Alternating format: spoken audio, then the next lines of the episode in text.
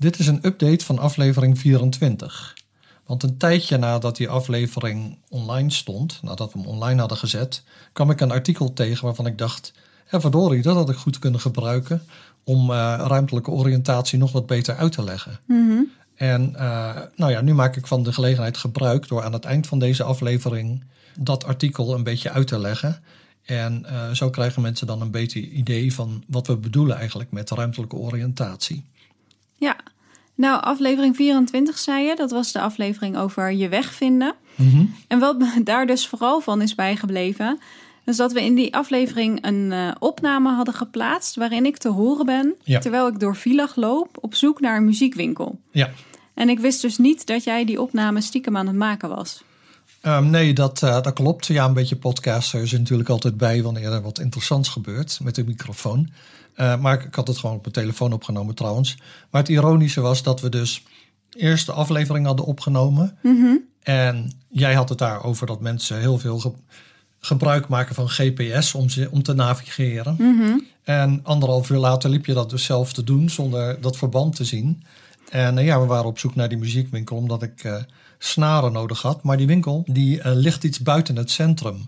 Dus we kenden, ja, we kenden daar de, de weg ook niet. Dus het was fijn dat jij dat uh, zo opzocht. En we hadden hem ook uh, na enig wandelen. Ja, ik wou het zeggen, want ik heb wel leuk lopen navigeren en mijn, uh, de GPS van mijn telefoon gebruikt. Maar ja. uiteindelijk zijn we toch verkeerd gelopen. Best wel een end. Ja, we zijn best wel een end, dat klopt wel. Ja, ja. dus, okay. Dus mensen gebruiken dat wel, maar ik hoop dat de meeste mensen dat wat handiger doen dan ik. Ja, maar, maar ik moet ook wel zeggen dat ik nog nooit zoveel moeite heb moeten doen om een setje gitaarsnaren te kopen. Maar goed. Uh, en je moet er wat voor over hebben. Ja, ja. Oké, okay, maar nu heb je dus een, uh, een update op het gebied van je wegvinden naar aanleiding van uh, nieuw wetenschappelijk onderzoek. Ja.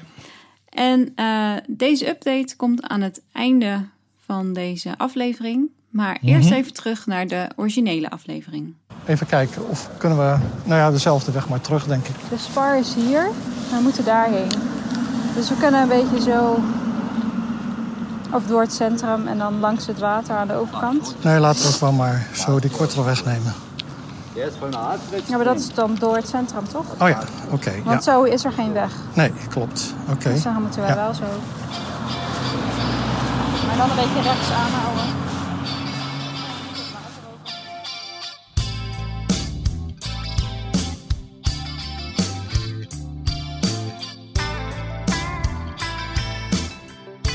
Dit is Drang naar Samenhang, de podcast over de psychologie van het begrijpen. Mijn naam is Rolf Zwaan, auteur van het boek Drang naar Samenhang. En ik ben Anita Eerland. In deze podcast gaan we in gesprek over thema's uit het boek. Je hoeft het boek niet te lezen om ons te kunnen volgen, maar dat is wel zo leuk natuurlijk. In deze aflevering gaan we het hebben over het begrijpen van de ruimte om ons heen. Hoe navigeren we in onze omgeving? Zijn we daar eigenlijk goed in? En wat voor rol speelt het gebruik van een GPS? Nou hebben we het in uh, deze podcast steeds over het begrijpen van de wereld om ons heen. Maar we mm-hmm. hebben het eigenlijk alleen gehad over mensen, hè, onszelf, andere mensen. We hebben het gehad over de handelingen die die mensen uitvoeren en de gebeurtenissen waar ze in betrokken zijn. Maar die dingen spelen zich natuurlijk allemaal niet af in een vacuüm. Hè, er is een decor. Uh, ze spelen zich af in een fysieke omgeving. En dat kan zijn een land, een stad, een gebouw. En hoe begrijpen we eigenlijk die ruimte om ons heen? Ja, maar nu zeg je uh, ruimte om ons heen begrijpen. Mm-hmm. Uh, dat vind ik nog steeds een beetje vaag. Dus wat bedoel je daar eigenlijk precies mee? Nou, uh, hoe oriënteren we ons in de ruimte? En we kennen natuurlijk allemaal wel situaties waarin we de weg zijn kwijtgeraakt. Wij zijn samen redelijk vaak de weg kwijtgeraakt. Vooral ook omdat we in de bergen een beetje vaak van de paden afgaan en dan onze eigen weg uh, banen. En dan moet je toch altijd terug zien te komen. En uh, ja, ik maak dan zelf gebruik van de, van de zon.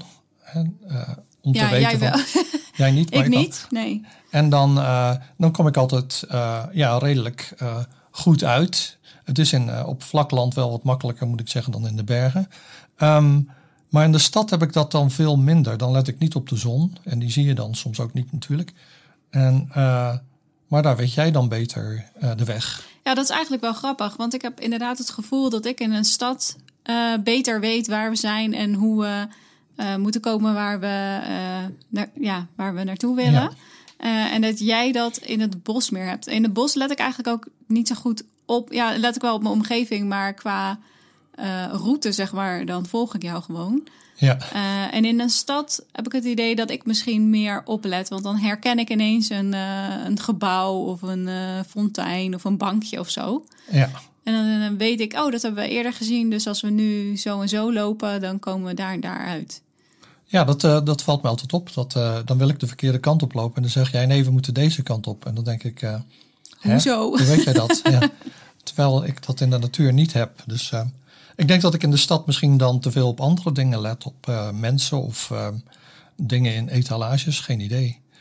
Nou, niet, niet dingen die een cue zijn voor uh, waar je bent. Nee, precies. Oké, okay, ja, maar daar gaan we het dus over hebben vandaag. Ja, ja dat, dat soort dingen. En nou heb je natuurlijk oriëntatie op verschillende niveaus. Hè, dus laten we zeggen binnen een gebouw. Hè. Je kan, kan ook in een gebouw heel makkelijk de weg kwijtraken. In een stad of in de natuur.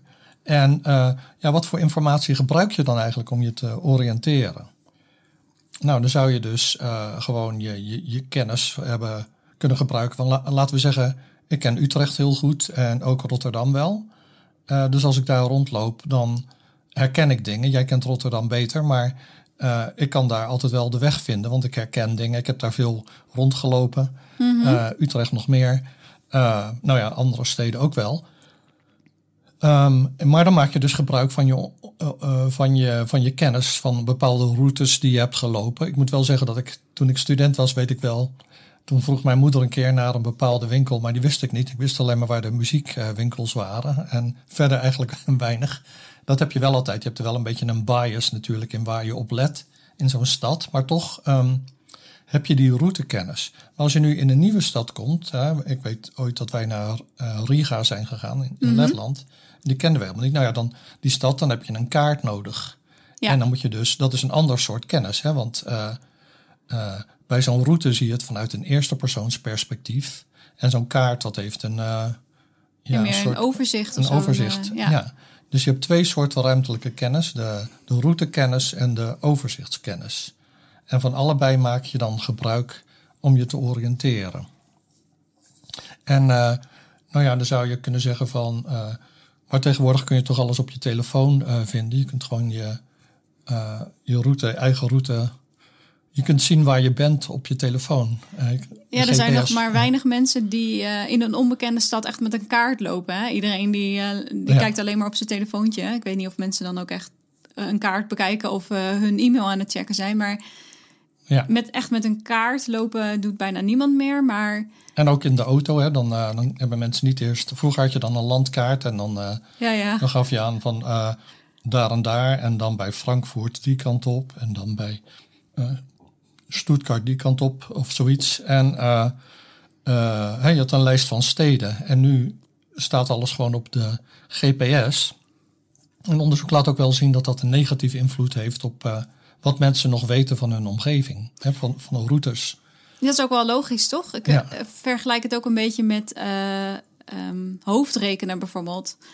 En nu overal wordt maar een, uh, een telefoontje of een computer of zo bijgepakt of een rekenmachine. Mm -hmm. Dus je, je kunt heel snel op die manier uh, een som uitrekenen. Ja. En dat hoef je niet meer uit je hoofd te doen. Dus ik heb wel het idee dat dan die vaardigheid een beetje verloren gaat alsof het zeg maar die vaardigheid alsof dat een, een, een spier is die je gewoon regelmatig moet gebruiken. Ja. Ja. En als je dat niet doet, ja, dan wordt die een beetje slapper en dan kun je er niet zoveel meer mee.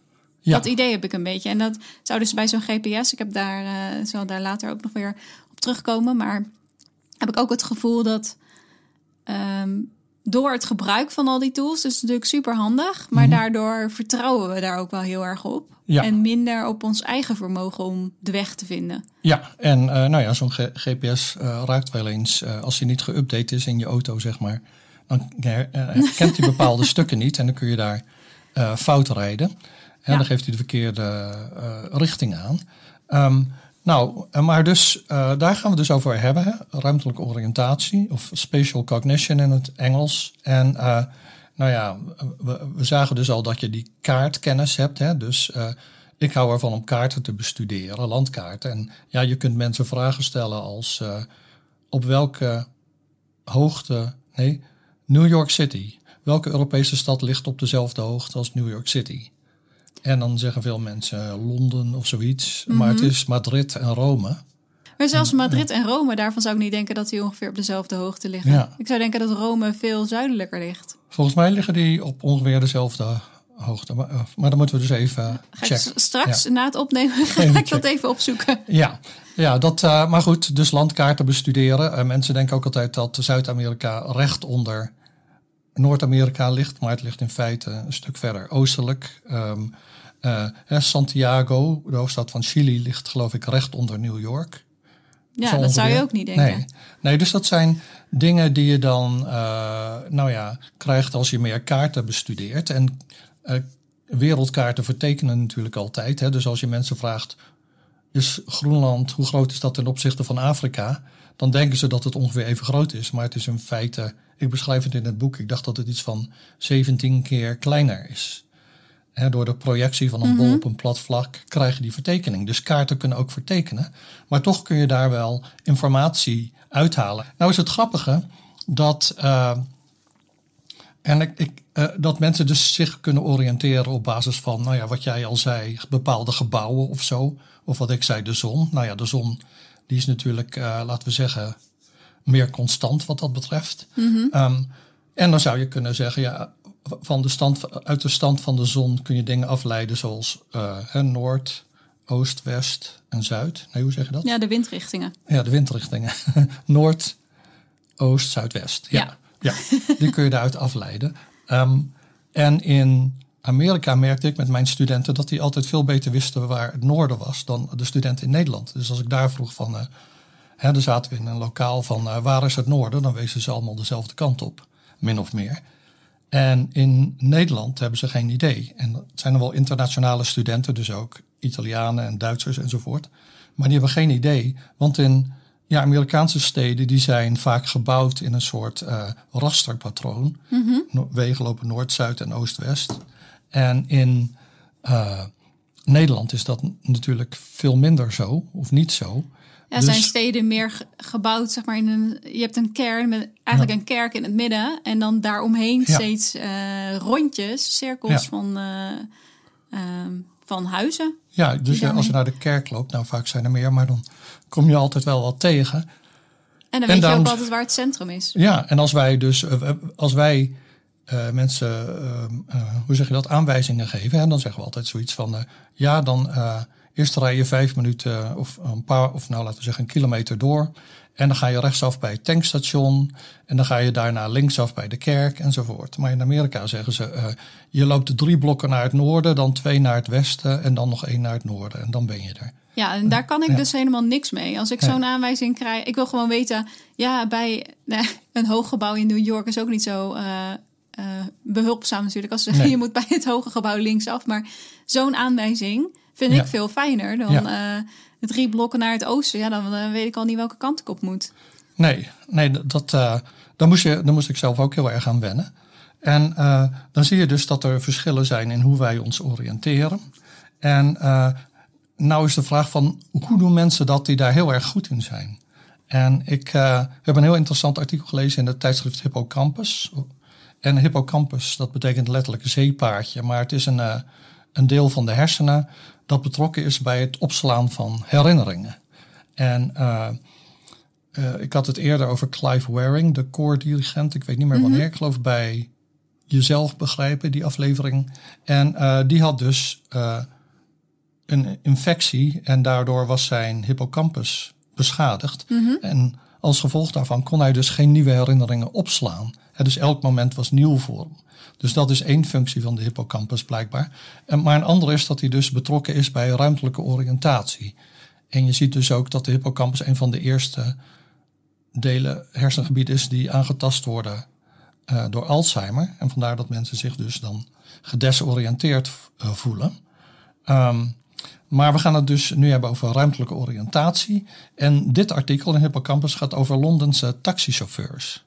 En eh, niet zomaar taxichauffeurs, maar mensen die een licentie hebben. Want die taxichauffeurs die mogen namelijk overal stoppen als iemand zijn hand opsteekt. En dan mogen ze iemand meenemen. Omdat ze onmiddellijk de route kunnen bepalen van waar die persoon instapt tot waar die heen wil. Dus ze staan niet lang in de weg of zo? Nee, ze hoeven niet eh, eh, op hun GPS iets in te tikken. Ze kunnen dat uit hun hoofd. Oh, dat wist ik helemaal niet, dat Ja. je verschillende soorten taxichauffeurs hebt. Ja, en het is dus eigenlijk wonderbaarlijk hoe ze dat kunnen. Want eh, ze moeten dus mentaal routes kunnen plannen in, een, eh, in centraal Londen. En dat is een omgeving met meer dan 26.000 straten. Dus, eh, en ze moeten ook voldoende kennis hebben van de belangrijkste buitenwijken. En dat heet The Knowledge in het Oh. Engels. En die buitenwijken, dat bevat dan ook nog een keer 60.000 straten. Jeetje. En ze moeten dat dus allemaal uit hun hoofd kunnen. Dus- zonder kaart of GPS. En nou zul je vragen, wat heeft dat dan te maken met de hippocampus? Nou, ik zei wel ruimtelijke oriëntatie. Maar dus onderzoek van eh, Hugo Spears, die we kennen, die ook een van de auteurs is van dit artikel, eh, laat zien dat dus die eh, taxichauffeurs meer grijze stof aan de achterkant van de hippocampus hebben. Grijze stof, laten we zeggen cellen. De, de grijze cellen waar Hercule Poirot het altijd over heeft.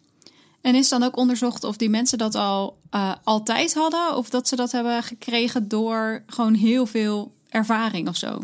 Ja, dat is een goede vraag. En het is eh, inderdaad, eh, en het is logisch om te vragen, van misschien waren ze voorbestemd om taxichauffeur te worden. Ja, wie weet. Ehm, maar dat is dus niet zo. Dus voordat ze die training, ze worden getraind, zal ik zo vertellen, ondergingen, en werd, er werd ook dat volume gemeten en was er geen verschil. Alleen aan het eh, einde. Dan was er een verschil. Het was ook zo dat de hoeveelheid stof samenhing met de hoeveelheid training die eh, zo'n chauffeur had gehad. En ze hebben ook nog een grappig onderzoek gedaan, eh, slim vind ik ook, waarin ze dus die taxichauffeurs hebben vergeleken met buschauffeurs in Londen. Want die buschauffeurs, nou ja, die moeten natuurlijk ook veel door de stad rijden, maar die rijden altijd een vaste route. Ja. Dus die hebben niet dat ruimtelijk inzicht, die ruimtelijke kennis nodig. En dus die grotere hoeveelheid eh, eh, grijze stof aan de achterkant van de hippocampus, die vond je niet bij eh, Londense buschauffeurs. Hè, dus groter vergeleken met, laten we zeggen, de gemiddelde persoon. Nou, wat interessant. Ja, ja dat vond ik ook wel. Maar goed, dat is allemaal eerder onderzoek. Waar dit artikel in Hippocampus nu eigenlijk over gaat, is hoe leren die chauffeurs nu eigenlijk? Hoe krijgen ze nu eigenlijk die kennis? En eh, nou ja, om dat dus te weten te komen, hebben ze chauffeurs geïnterviewd. Ze hebben cursussen bijgewoond, online en in persoon. Informatie bij een eh, docent ingewonnen en studiematerialen bekeken. Nou ja, als je kijkt wat die chauffeurs moeten kunnen, dan is dat best wel eh, veel. Intimiderend veel. Want ze moeten dus steeds de kortste route kunnen vinden tussen twee locaties. Bijvoorbeeld een restaurant en een theater. Dus ik zeg tegen jou van, wat is de kortste eh, eh, ehm, route tussen het Spoorwegmuseum in Utrecht en de Dom? Of tussen, eh, laten we zeggen, de Erasmusbrug en de Kuip. en dus dat, twee voorbeelden. Uh-huh. Of om Amsterdam er ook bij te betrekken. Tussen het Rokin en de Stopera. Dat weet ik niet. Nee, nou ja, dat soort eh, voorbeelden. Eh, die chauffeurs kunnen dat dus onmiddellijk, hè, na, na die training. En eh, ehm, ze moeten ook niet alleen dan alle straten kunnen noemen die je onderweg tegenkomt, maar ook alle afslagen, hoe die dan heten. Jeetje. En dan zou je zeggen van oké, dat is zeker iets van de laatste tijd. Maar nee, dit is, die training is officieel geïntroduceerd in eh, 1865. En sindsdien nauwelijks veranderd. Terwijl ik, ik vind het eigenlijk niet zo eh, verbazingwekkend dat, het, dat die training al zo oud is. Ik vind het meer opmerkelijk dat die nog steeds bestaat, omdat iedereen nu een GPS in zijn auto heeft. Ja, nou ja, maar deze lui gebruiken dus geen GPS. Dat is ook een, eh, een matter of pride. Hoe zeg je dat? En eh, daar zijn ze trots op dat ze dat niet doen.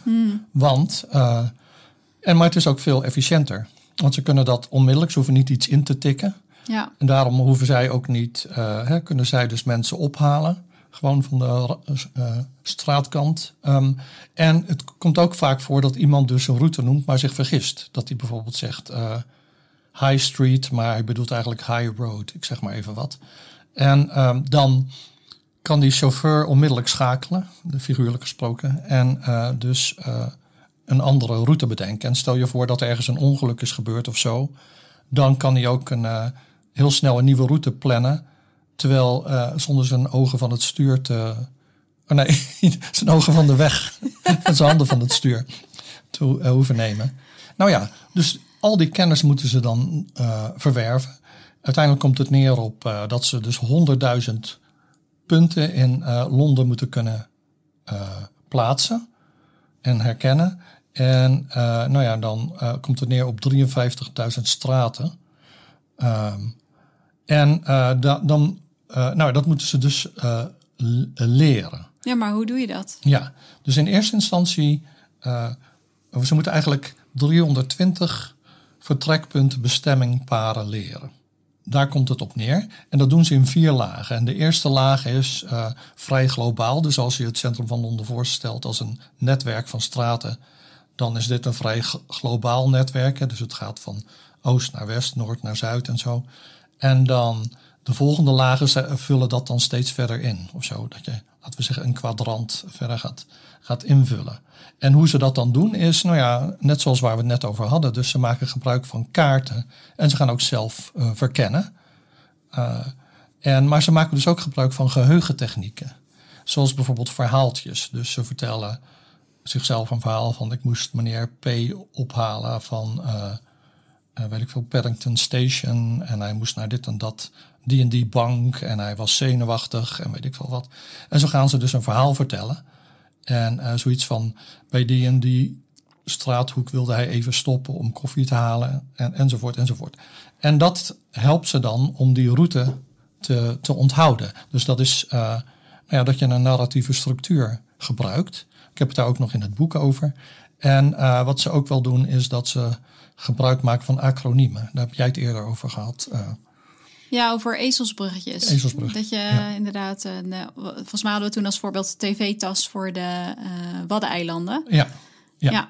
Oké, okay, dus dat gebruiken die. Uh, ja, dat gebruiken zij ook. allemaal. Dus al dat soort geheugentechnieken gebruiken ze om dus die geografie van Londen um, te leren.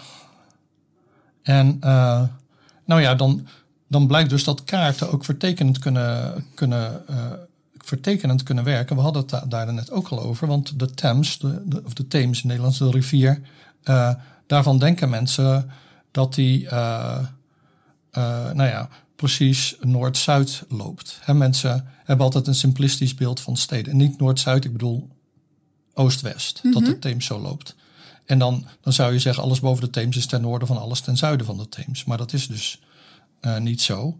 En net zoals in Rotterdam. Als ik in Rotterdam vanaf, vanuit ons gebouw uh, naar het centrum van de stad kijk, dan zie ik um, de Willemsbrug rechts en de Erasmusbrug daar links van. Mm -hmm. En zo op het oog is die dichterbij. Maar het is verrassend, omdat je eigenlijk de Willemsbrug eerst verwacht en recht daarachter de, de Erasmusbrug, omdat je zo, nou, je rijdt, ze liggen allebei aan dezelfde weg. Ja. Maar uh, het issue is dat de, de Maas een, een enorme bocht maakt.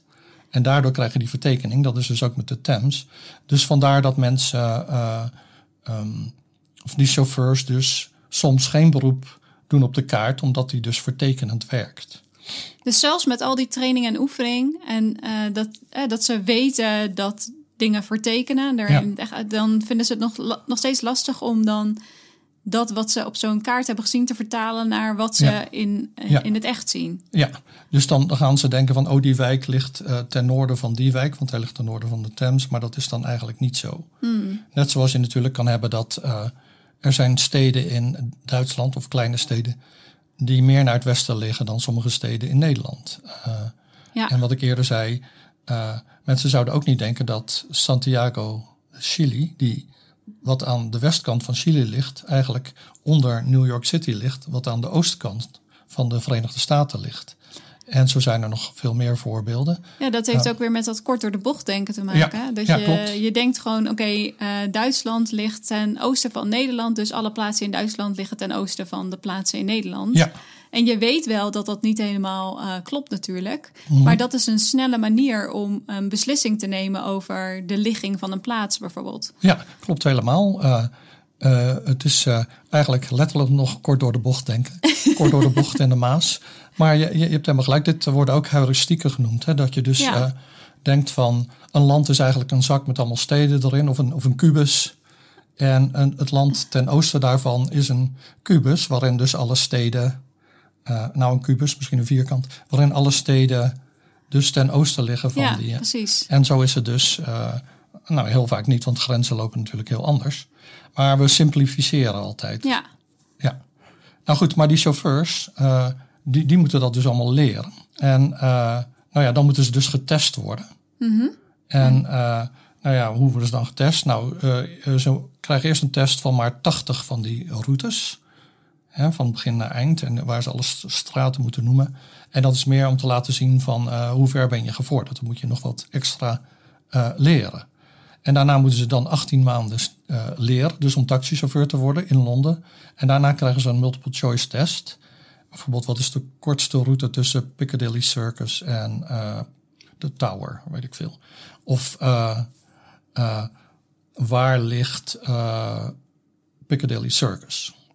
En als ze dat dan allemaal eh, gehaald hebben, ja, het zal wel een stuk moeilijker zijn, maar goed, ik ben geen, Londense taxichauffeur. Dan krijgen ze een serie mondelinge examens. En dan hun eindexamen is dan the knowledge, dus de kennis van de buitenwijken van Londen.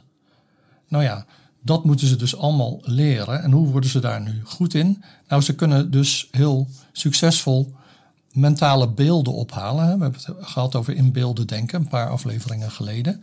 En zij kunnen die heel eh, gemakkelijk ophalen voor eh, locaties. En ze kunnen ook gemakkelijk de namen van straten ophangen, waar ik heel slecht in ben. En dan kunnen ze ook heel goed plannen. Dus dat zijn drie vaardigheden die je moet hebben. En eh, nou ja, ze, ze maken dus ook gebruik van mentale simulatie, of wat Louis van Gaal noemt, imagineren. Dus dat ze eh, een, een soort de route zeg maar in hun hoofd afspelen. Hebben we het ook over gehad. Dat de skier dat ook doet voor de afdaling. Dat doen Ja. die chauffeurs dus ook. En als je dus een hele eh, leerproces onder de loep neemt, dan zie je dus dat ze in het begin van kaarten gebruik gaan maken, maar dan geleidelijk eh, voeren hun eigen ervaringen de boventoon. En zo is het denk ik met ons ook. Als we natuurlijk in een nieuwe stad komen, maak je eerst gebruik van de kaart, maar na een tijdje heb je die niet meer nodig. ja. Onbegrip van de week. Ja, en eh, ik heb er weer een die eh, voor ons allebei geldt. Eh, en dit speelt zich af in Zeist. Nou, het is niet echt een geweldig avontuur. Maar ja, zo klinkt het wel. nee, nee, nee. Het is meer dat je, dan rijden we op een weg en dan heb je daar een, een, een T-splitsing. Wij zitten zeg maar in de verticale dings van de T. En dan kun je alleen maar links of rechts. En ik ben daar heel vaak verkeerd gereden. Ik denk wel, nou ja, heel vaak, drie keer. Een ezel stoot zich geen tweemaal aan dezelfde steen, maar ik deed het driemaal. Ehm, en toen dacht ik, hoe komt dat nu? Hè? Want ik ga dan eh, linksaf en dan na een tijdje denk ik, oh nee, ik had rechts gemoeten. En dan keer ik om en dan rij ik, eh, nou ja, de goede kant op. Ja, je ik- zou denken als je dat eh, hebt gedaan, je hebt fout gereden, dan eh, de volgende keer weet je dat wel en dan ga je meteen goed. Maar dat is Ja. dus niet zo. Nee, dat is niet zo. En volgens mij komt dat omdat je eigenlijk nooit hebt gezien. Je hebt geen ervaring van hoe het is om goed te rijden. Dus elke keer als je daar aankomt op dat punt, dan herken je alleen maar. eh, jouw herinnering is links afslaan. Ja, Want als je eenmaal links bent afgeslagen, eh, ja, dan draai je 180 graden. En dan rij je rechtdoor. En dan kom je toch weer uit waar je anders ook zou zijn uitgekomen. Maar je hebt dus geen beeld, geen eh, ervaring van rechts afslaan daar. Dus ik denk dat dat een rol speelt waarom je het dan eh, niet goed onthoudt. Dus Ja, eigenlijk, als je dat zou willen voorkomen, zou je dus weer terug moeten rijden. Ehm, hè, dus eh, je bent links afgeslagen, dan zou je dus om moeten draaien, rechts afslaan, weer omdraaien en dan weer rechts afslaan. Dan zou, je, eh, dan zou dat misschien minder tot verwarring leiden in de toekomst. nou, dan heb je in ieder geval een keer goed gezien hoe de goede weg eruit ziet. En als je zo ver om bent gereden, Ja. dan denk ik dat je je dat ook wel herinnert. Maar wat Ja. dus grappig is, want wij hebben het hier trouwens in Oostenrijk ook wel eens tijdens een wandeling. Dan is er Mhm. ook een bepaald punt waarop eh, we altijd twijfelen van... moesten we hier nu eh, inderdaad linksaf of rechtsaf? Inmiddels weet ik het wel, maar ik weet wel dat dat, dat het punt is waarop wij altijd een discussie krijgen... over welke kant we op moeten gaan. Ja, dat klopt. Het, het blijft gewoon eh, ja, dan verkeerd in je hoofd zitten of zo. Ja, ik denk, ik denk omdat je dus van het ene heb je een, een actuele ervaring.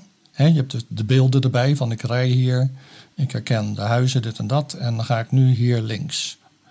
En, eh, en oh, dat herken ik ook. En dan na een tijdje denk je, oh ja, maar dat was omdat ik verkeerd was gereden. Dus daarom denk ik dat je eigenlijk eh, een paar keer goed moet rijden. Net zoals ze bij muziekles vaak zeggen van... eh, het laatste stukje dat je speelt moet foutloos zijn. Je moet niet met een fout stoppen. Ja, nu hebben we het dus eigenlijk gehad over ehm, de weg kennen en eh, navigeren in je omgeving. Mhm. En eh, evolutionair gezien zou je zeggen dat dat een vaardigheid is waar we eigenlijk allemaal best wel goed in zouden moeten zijn. Want het is natuurlijk heel onhandig als je steeds de weg kwijtraakt. Ehm, maar uit allerlei onderzoek blijkt dat we hier eh, eigenlijk helemaal niet zo heel erg goed in zijn. Zeker niet als je dat vergelijkt met de navigatievaardigheden van andere dieren. Mhm. Eh, en de vraag is eigenlijk of dat komt omdat wij eh, daar nu allemaal eh, tools voor gebruiken. Nou, daar hebben we het eerder al over gehad. Ja. Er zijn best wel veel onderzoekers die zich daar zorgen over maken dat we door het gebruik van die tools ons natuurlijk vermogen of natuurlijke vaardigheid om te navigeren in de wereld, dat we dat een beetje verwaarlozen en dat we daar niet meer voldoende op vertrouwen. Ja, er zijn ook, nou ja, er is onderzoek dat dat, dat dat ondersteunt, dat idee. Dat dus GPS eh, maakt dat wij ons minder goed ruimtelijk kunnen oriënteren. Ja, het is wel logisch. Je vertrouwt gewoon op iets buiten je, jezelf. Je vertrouwt op een eh, GPS-systeem. En daardoor train je bepaald. Zoals die taxichauffeurs, die bewust geen GPS willen gebruiken. Die doen heel veel moeite om eh, de omgeving eh, te leren kennen. Ja, En te leren hoe ze in die omgeving kunnen bewegen en navigeren. Ehm, en, en dan kun je het dus ook zonder GPS. Dus we kunnen het wel, maar ja, we zijn misschien een beetje lui geworden. Maar wat ik interessant vond, dit was een beetje een aanleiding om te kijken naar hoe navigeren we dan eigenlijk in de wereld. Mhm. Eh, en ehm, daar zijn ehm, twee systemen voor die wij hebben als mens, eh, die we gebruiken en die we ehm, moeten ontwikkelen van Mhm. kinds af aan. Eh, en dat is een intern navigatiesysteem. En dat heeft te maken met eh, ja, hoe wij bewegen in de ruimte, eh, hoe we de wereld zien als die eh, aan ons voorbij flitst. Dus alsof je in de trein zit en je kijkt uit het raam, dan zie je de wereld zo voorbij schieten. Dat noemen we visual flow. ja. Ehm, nou, dat valt allemaal onder zo'n intern navigatiesysteem. Maar ook bijvoorbeeld ja, kinesthesie als een van de zintuigen. Dus de, de plaats van jouw lichaam in de ruimte. En dat andere systeem wordt een ja, allocentrisch codeersysteem genoemd. En dat heeft te maken met het herkennen van eh, bepaalde objecten in de ruimte. Hè, zogenaamde landmarks, dus bepaalde gebouwen of eh, een fontein of een... eh, nou ja, ja dus, dus je hebt het ene is, laten we zeggen, egocentrisch vanuit jezelf. Ja, en dus klopt. dan heb je proprioceptie, een waarnemen waar je ledematen zijn in de ruimte en Mhm. zo. En optic flow. En dan heb je dus allocentrisch, dat betekent dat iets anders het centrum is. En dat, is dan, dat zijn dan die gebouwen en zo. En is dat dan een beetje hetzelfde als waar we het in het begin over hadden? Routekennis en eh, overzichtskennis? Ja, nou volgens mij dus wel, maar ik wilde niet eh, zomaar wat eh, gaan roepen hier. Dus ik heb dat wel even opgezocht. Mhm. Maar die twee systemen passen inderdaad bij die survey-kennis en, en de routekennis. Mm. Dus eh, dan is het zo dat die survey-kennis past bij die allocentrische. Dus Ja. het herkennen van die eh, ehm, kenmerkende gebouwen bijvoorbeeld. En eh, die routekennis bij het interne navigatiesysteem. Want dan gaat het erom hoe jij een bepaalde route loopt Ja. in, in een omgeving. En is het nu zo eh, dat, want, want dat doet me ook denken aan allerlei onderzoeken die ik ken over taal. Dat je dan bijvoorbeeld taal en ruimte, dat bijvoorbeeld je kunt zeggen, Hij staat voor de auto. Mhm. En dan vanuit jezelf gezien, stel je voor, jij staat in het gras, in de tuin of zo. En langs de weg staat een auto geparkeerd en die man staat daarvoor. Dan is dat voor de auto vanuit jou gezien. Maar je kunt ook voor de auto staan vanuit de auto gezien. De Ja. man staat voor de auto, dan staat hij dus voor de voorbumper, zeg maar. En dat zou dan allocentrisch zijn? Ja, ik heb daar wel een eh, paper over gelezen, maar daar heb ik verder niet, eh, wilde ik het eigenlijk verder eh, niet over hebben, want het was een vrij technisch en ingewikkeld verhaal. Maar er zijn wel heel interessante papers over hoe het taalgebruik, ons taalgebruik en spatial cognition, hoe dat samenhangt en eh, ehm, hoe ons taalgebruik ook beïnvloed is door Ja. spatial cognition. Ik zal ehm, die link anders wel in de show notes zetten voor mensen Ja. die dat interessant vinden. Maar ik, ik vond het interessant om dan eh, te weten dat die twee systemen er zijn. En dat er dus een link is met die twee soorten kennis eh, waar jij het eerder over had.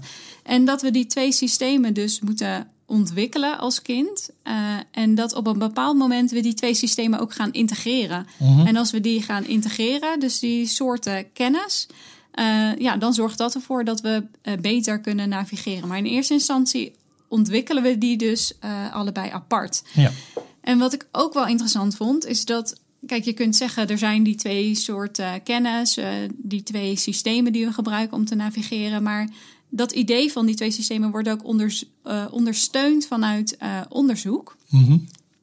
Er zijn namelijk nog niet eens zo heel erg lang geleden twee soorten cellen in het brein ontdekt.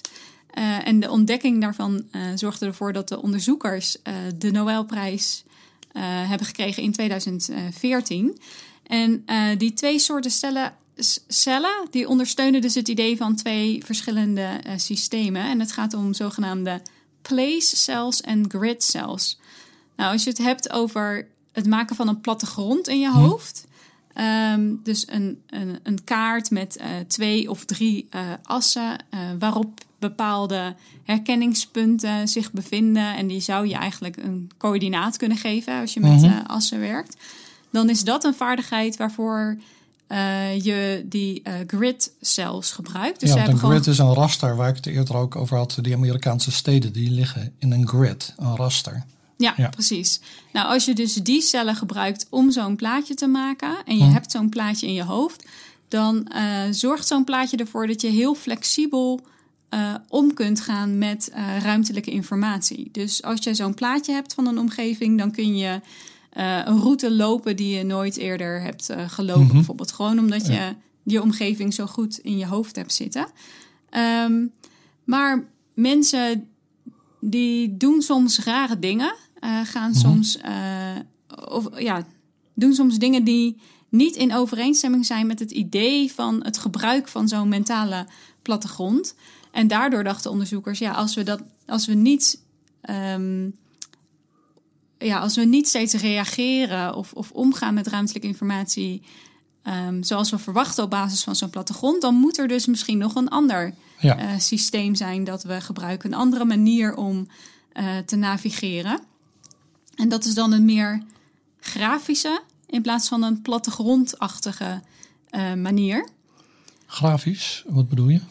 Nou, dat ga ik zo uitleggen. Oh. Maar ik wilde eerst even uitleggen wat voor soort gekke dingen dat dan zijn die mensen eh, Oh ja. eh, dan doen. Mhm. Ehm, als, als je mensen vraagt om eh, de afstand te schatten van A naar B bijvoorbeeld, Mhm. dan kan dat een ander antwoord opleveren dan wanneer je ze vraagt om de afstand van B naar A te schatten. Mhm. Terwijl die afstand hetzelfde zou moeten zijn. En als je een kaart in je hoofd hebt, Ja.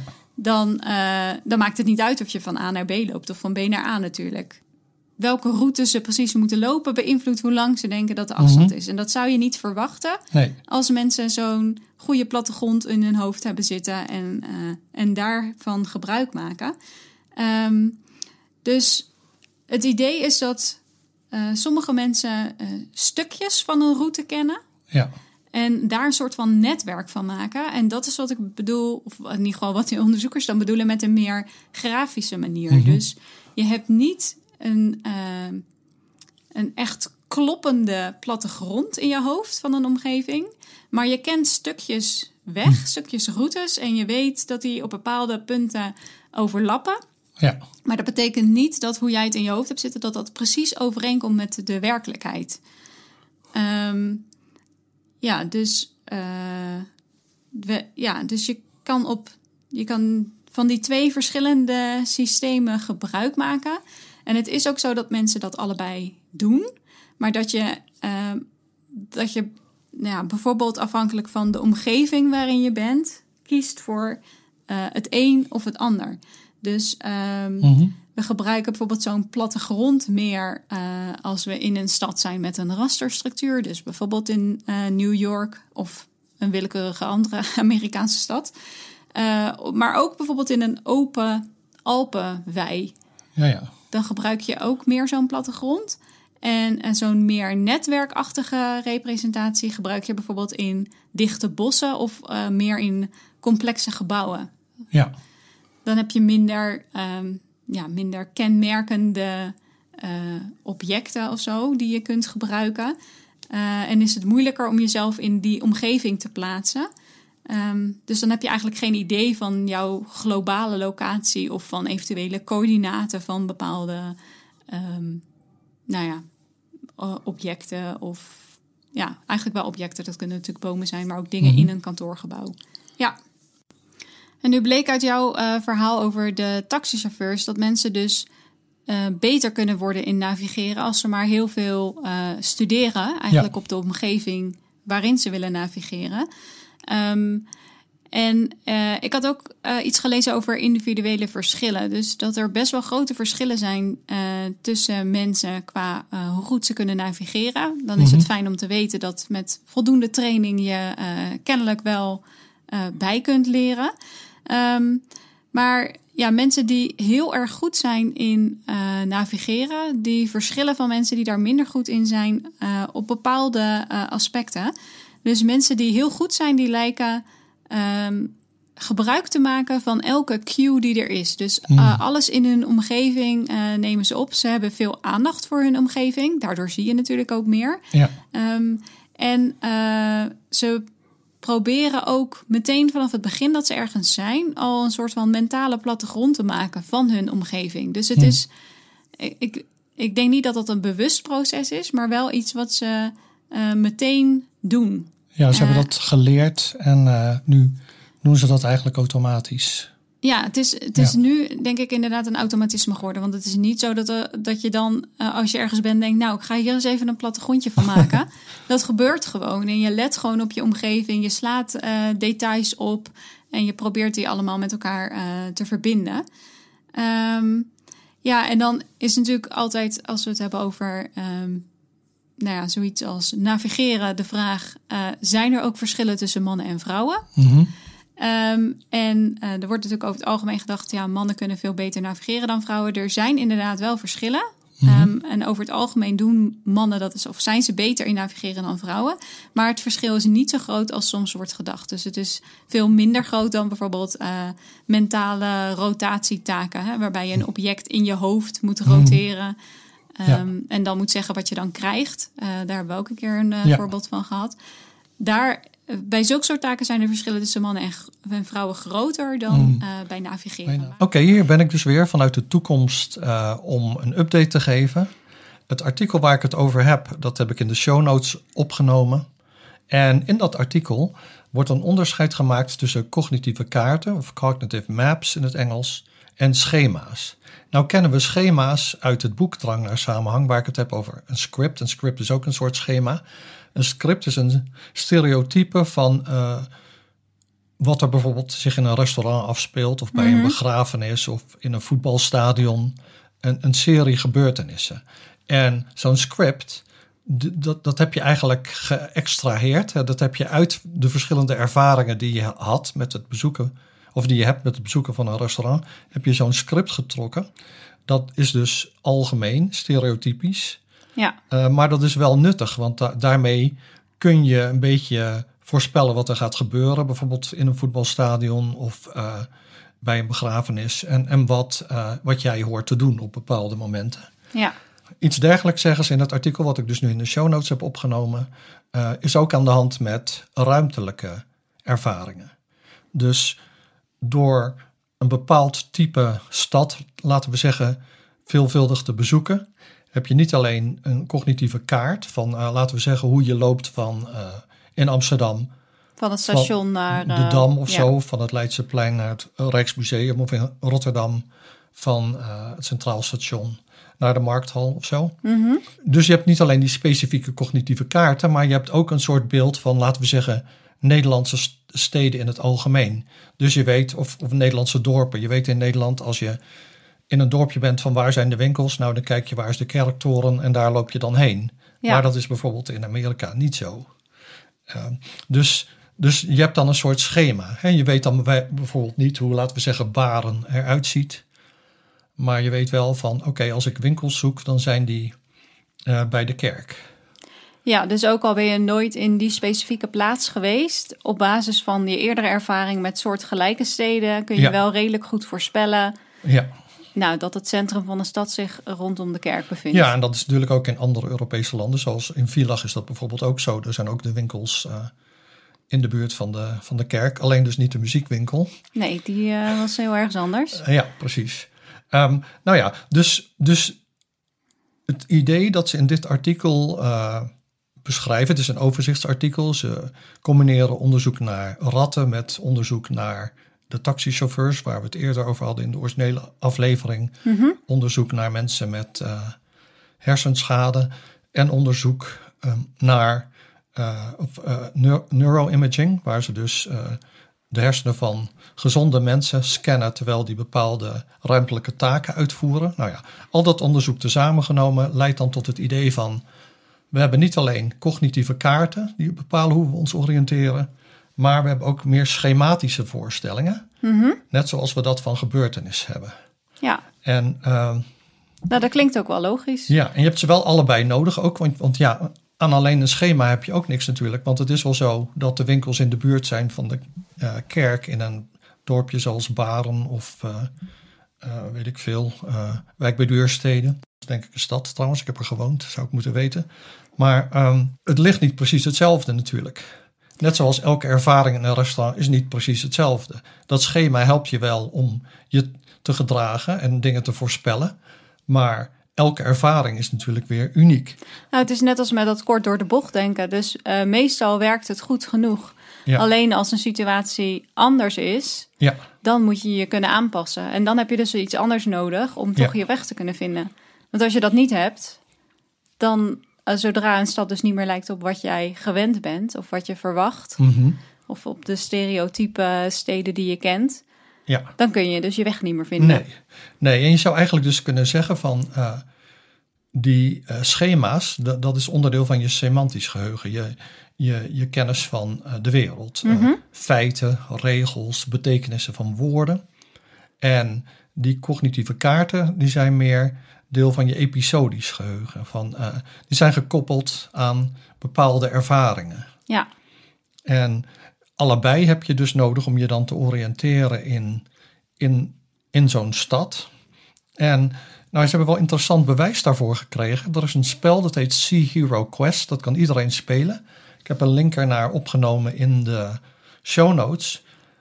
En dat spel is eigenlijk ontwikkeld om uh, te kijken naar um, of om mensen met Alzheimer te helpen en te kijken naar hun vermogen om zich te oriënteren. Maar iedereen ter wereld kan het spel spelen. Ik geloof dat al 2,5 miljoen mensen.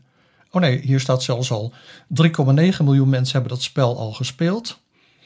Ik heb en, er nog nooit van gehoord, maar ja, ik ga eens even kijken. Quest, ja. ja. En het grappige is dus dat je interessante verschillen vindt tussen groepen mensen. Dus mensen die in een stad wonen met een raster, ja. een grid pattern, zoals New York of Buenos Aires. Die mensen kunnen over het algemeen slechter navigeren dan mensen die in een onge... Hier noemen ze dat de stad met een ongeorganiseerde indeling. Maar natuurlijk is er wel degelijk een indeling, maar dat is uh, rond de kerk, uh, dit en dat. Uh, hè. Zijn de makers komen ook uit Amerika zeker, niet? ja, um, nou, één is Hugo Spears, dat is een, een Engelsman, die hebben wij wel ontmoet. En de andere zijn Canadezen, die zitten in Toronto, wat heel oh. erg een, ook een rasterstad is. Ik dacht, die vinden uh, Europese steden een ongeorganiseerd ja, zootje. Ja, maar... Londen zou dat dan helemaal moeten zijn, denk ik. En, uh, maar staat hier dus, ja, ik zou niet zeggen ongeorganiseerd, maar wel uh, organisch gegroeid, niet zo gepland. Ja. En uh, nou ja, dus als je opgroeit in zo'n stad, dan lopen alle wegen van noord naar zuid en oost naar west. En dan zeg je van, ja, om daar te komen moet je drie blokken naar het noorden en dan twee naar het westen en dan ben je er. Dus het idee is dan van mensen hebben een soort schema ontwikkeld op basis van de stad waarin ze wonen. En dat schema, dat passen ze dan ook toe op andere situaties. En dat lukt dan niet altijd. Nee. Dus wat dat laat zien is dat je vroegste levenservaringen uh, en van bepaalde omgevingen leiden tot de vorm, vorming van die ruimtelijke schema's. En die ondersteunen dan hoe mensen navigeren. Uh, en dat werkt dan dus voor de ene persoon anders dan voor de andere persoon als die persoon in een ander type stad is opgegroeid. En uh, nou ja, daar, daar zie je dat aan. En dat spel Sea Hero Quest, ja, dat levert dus al die data op. Je kan gewoon kijken van, oké, hoe doen de mensen het in dat spel? Hè? Want je moet iets na, je moet navigeren. Mhm. Hoe doen ze het vergeleken? Hoe doen mensen uit New York het vergeleken met mensen uit Londen of zo?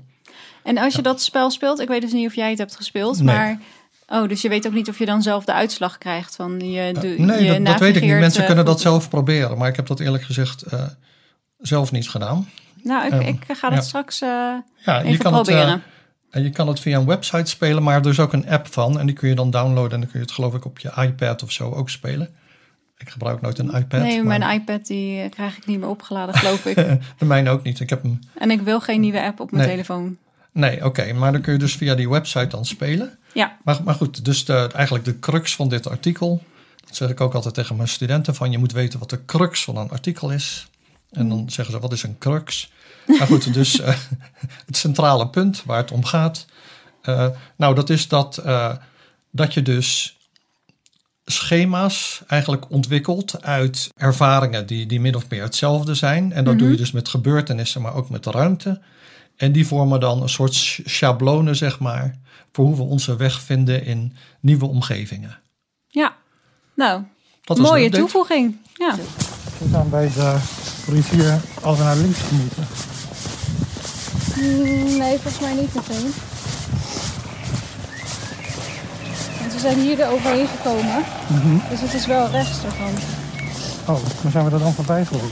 Ik denk omdat we, te omdat we langs het water zijn gegaan. Maar als we daar meteen uh, achter waren gegaan... Ah,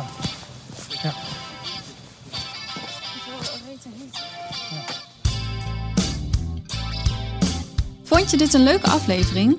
Abonneer je dan. Op Twitter en Instagram zijn wij te vinden als Drangkast. Je kunt ons ook mailen via drangkast.gmail.com. Een beoordeling met 5 sterren helpt nieuwe luisteraars onze podcast te vinden. Behoefte aan meer drang naar samenhang?